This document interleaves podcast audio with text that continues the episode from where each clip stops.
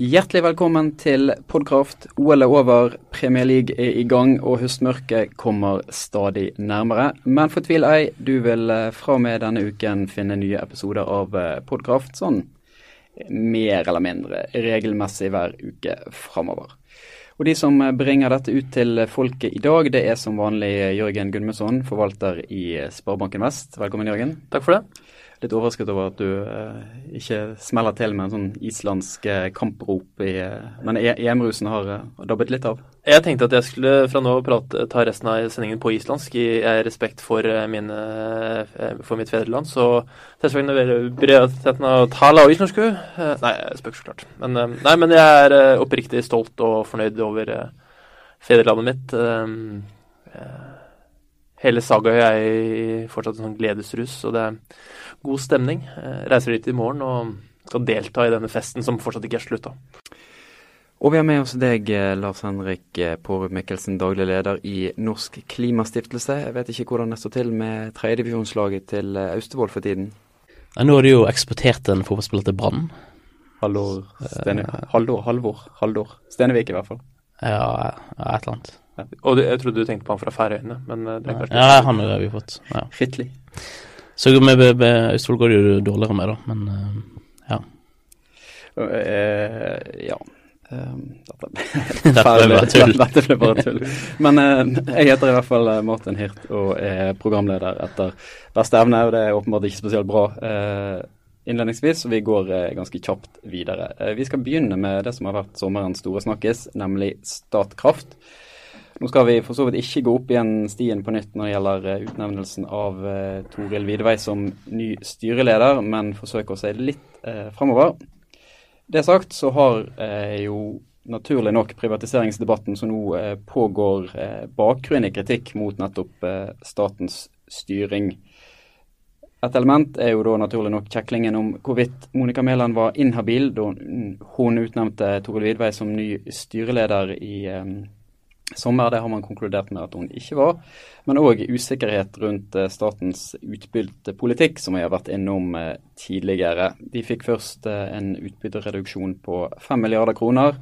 Så fant man ut at det skulle betales ut likevel. Og så snudde man jo egentlig enda en gang og fant ut at de skulle få denne lettelsen åkke som. Resultatet av hele denne dansen var en ny eh, investeringsstrategi fra Statkrafts side, som tok høyde for at de hadde mindre penger, og dermed forsvant en del nye havvindprosjekter ut med skyllevannet, tror jeg vi sier. Så Lars André, hva er egentlig argumentene for å delprivatisere Statkraft, sånn som bl.a. Høyre nå tar, eh, tar til orde for? Eh, altså, og, er det en god idé? Eh, altså, spørsmål tenker jeg må jo være som, som eier, da, som, så bør vi diskutere som, hva, hva vil man med Statkraft. Eh, og når du fikk en liberalisering eh, for eh, ja, når var det kraftsektoren ble liberalisert? Rundt 2000 eller der omkring. Eh, så kjøpte jo Statkraft seg opp i en del selskap. Og så på rundt 2002 så sa Konkurransetilsynet at stopp, nå kan ikke dere kjøpe opp mer i Norge. Så begynte man å ekspandere i utlandet. Og Statkraft er jo en stor aktør i europeisk målestokk i dag. Så er spørsmålet hvilke ambisjoner har man for Statkraft? Og da er det klart at vekst internasjonalt det er jo det som de da må basere seg på hvis man vil at dette skal bli en, en stor aktør. Og da er spørsmålet hva skal trengs for at et selskap skal vokse internasjonalt. og da vil jo man kunne si at det å få inn flere eiere, private eiere, kan gi nye ideer, nye impulser det kan gi ny kapital.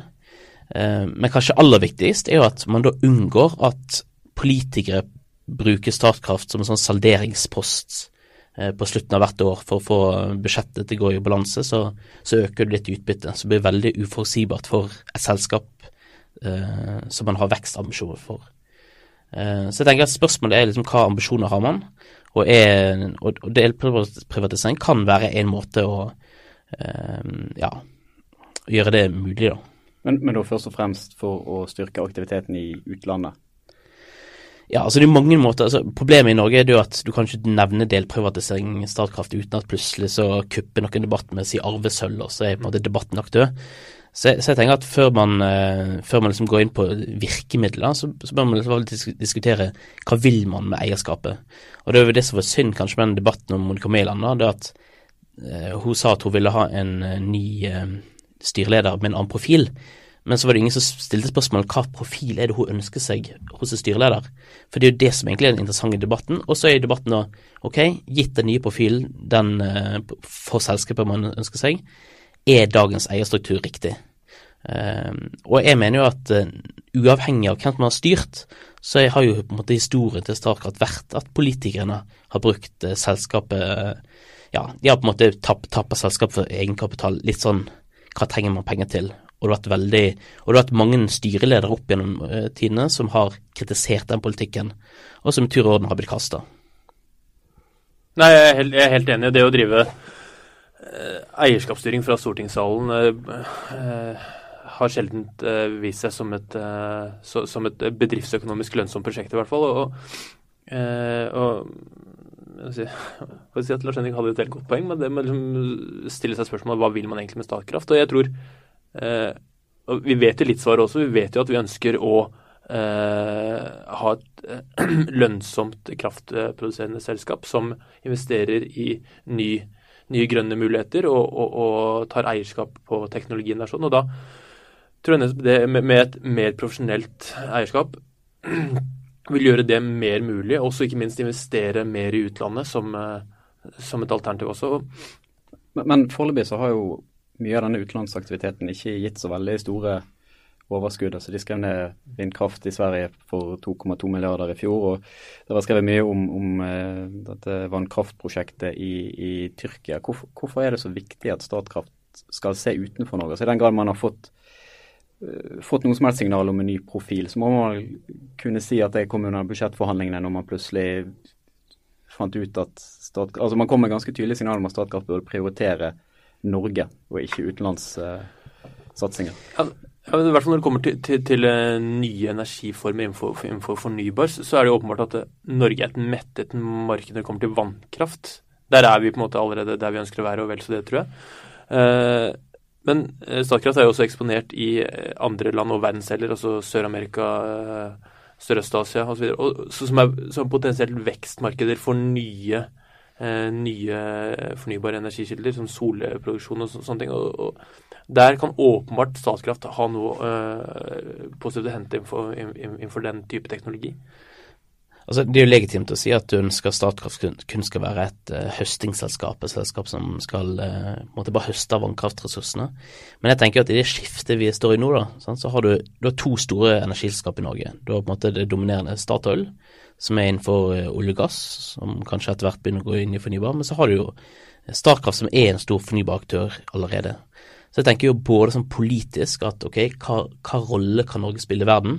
Så tenker jeg at der er Statkraft eh, et viktig verktøy. Eh, så jeg, for meg tenker jeg at det er opplagt at Statkraft bør ut i verden. Og så er spørsmålet kan man da hvordan skal man få det, få det til? Eh, men det er helt klart som du sier at det er jo en risiko, men der kan jo òg nye eiere være med og på en måte dempe risikoen for staten. For i dag tar jo staten, fellesskapet, all risiko ved utenlandsinvesteringer. For de private eh, så vil de òg ta litt av den, avlaste litt av den risikoen, og selvfølgelig òg få litt av eh, gevinsten. Men så er det store spørsmålet, for veldig mange som når de hører delprivatisering, så tenker de arvesølv. Mm. Og det går jo fint an til å ta vare på, altså sørge for at de inntektene fra norsk vannkraft, at de tilfaller fellesskapet. Det kan man jo fint sikre selv om eh, du endrer eierstrukturen på Statkraft. Det har vi allerede gjort med uh, grunnrentebeskatningen av uh, olje, oljeproduksjon. Så det er jo akkurat det samme med, med regnvannet også. Så vi, vi kan uh, ha en grunnrentebeskatning der som kan vise å være av renprofitten. Men det er jo ingenting som er mer følsomt i norsk, uh, norsk politikk da, enn å diskutere vannkraftressurser og, og uh, eierskap, privat eierskap.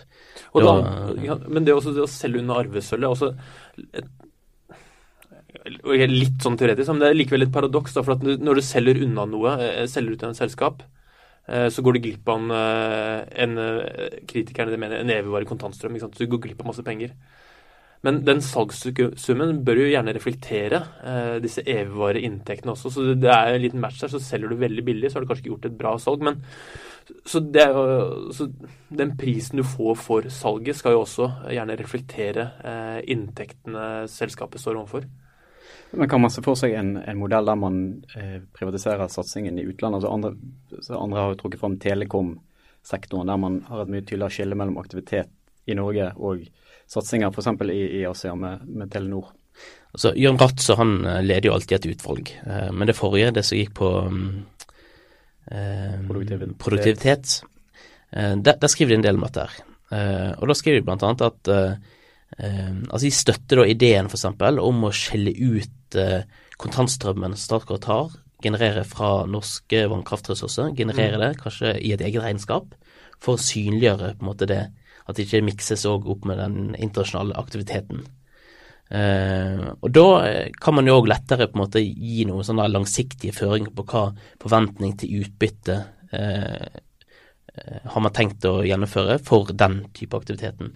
Så kunne du òg sett for deg at du hadde en annen modell, at du hadde gjort sånn som i olje og gass.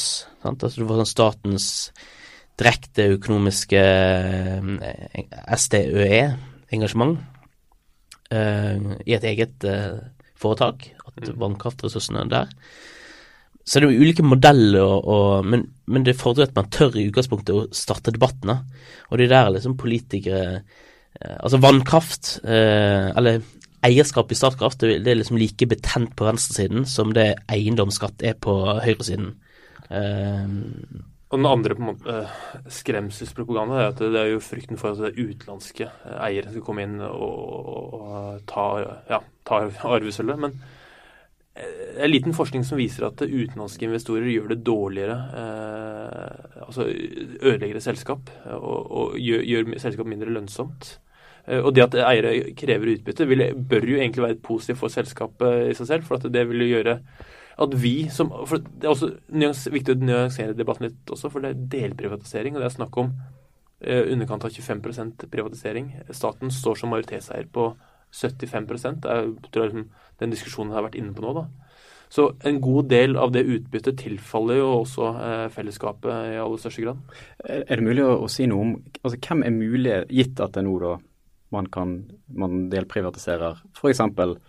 Eh, utenlandssatsingen, at det skilles ut på i en ny struktur. Er det mulig å si noe om altså, hvem er mulige investorer i et sånt selskap? For, for innen fornybar så er det jo veldig ofte at investorer kommer inn i konkrete prosjekter i ettertid. Blant jo Green Investment Bank i eh, Storbritannia har jo kjøpt en andel av Sheringham Shoal-vindparken der Statkraft er med, etter at parken er ferdig, sånn at man, man egentlig går inn og kjøper en andel i kontantstrømmen, heller enn å kjøpe en andel i, i sel, sel, selskapene?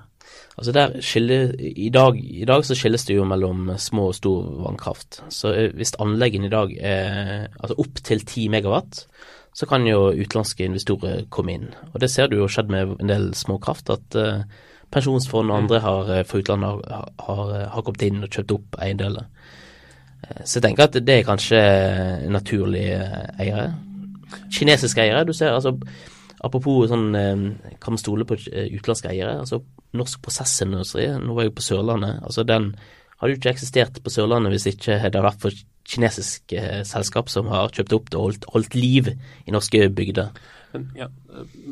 Jeg er også enig i at jeg tror vanligvis ville det vært store pensjonsfond som hadde kjøpt seg opp i, i sånne kraftselskap. Men, men de ønsker jo en relativt trygg investering også. Så den kontantstrømmen de får av kraftproduksjon, er jo en ønskelig. Så at det, jo mer på en måte skille du gjør eh, mellom disse to selskapene Hvis du kaller innenlandske, eh, det innenlandske selskapet for relativt risikofritt, ganske sånn trygg kontantstrøm, og det utenlandske selskapet med mer risikofylte investeringer, eh, men med potensial for høyere utbetaling, gevinst ved vellykket investering, så ville den også ville de selskap, hvis det skulle vært skilt ut, så ville det selskapet krevd, eller eiere av det selskapet krevd høyere utbytte. Eh, nettopp eh, av den risikoen. ikke sant? Så det er jo liksom Jeg er ikke helt tilhenger av det å skille ut det eh, bare de risikofylte. For at det, gir opphav til en annen type eiere enn en, en det du kanskje egentlig skulle ønske deg. da. Og så er det òg et argument at uh, altså hvis du på en måte sier at du får en norsk bit og en utenlandsk bit av Statkraft, uh, så er jo et argument mot å skille etter da, det er jo at den utenlandsbiten vil være for puslete. Altså den ikke blir kraftig nok uh, hvis du på en måte holder norsk vannkraft utenom. Og det er, et vel, det er jo et godt argument mot å gå inn for seg skille. Jeg tror vi, vi kommer vel kanskje ikke så veldig mye lenger på Statkraft akkurat her og nå i dag. Debatten ruller videre. Det siste jeg leste før vi gikk i studio, var at det det mulig flertall for delprivatisering var i ferd med å smuldre bort etter at eh, KrF og Venstre hadde kommet med litt nye uttalelser. Så vi får se hva som skjer videre. Jeg regner med at uh, siste ord på ingen måte er sagt. Et par eh, punkt til før vi gir oss. Fredag så eh, kunne vi i Sysla bringe leserne nyheten om at eh, Norge nå for første gang under de grønne sertifikatene bygger ut mer fornybar energi enn Sverige. Prosjekt med en forventet eh, årsproduksjon på 4,9 TWh er underveis i Norge, mens eh, Sverige står for 3,2 eh, TWh. Og mye av dette er jo knyttet opp mot den store vindkraftutbyggingen på Fosen som er, er, kommet i gang på en del av, av de eh, lokaliseringene de skal bruke. Og er dette et blaff?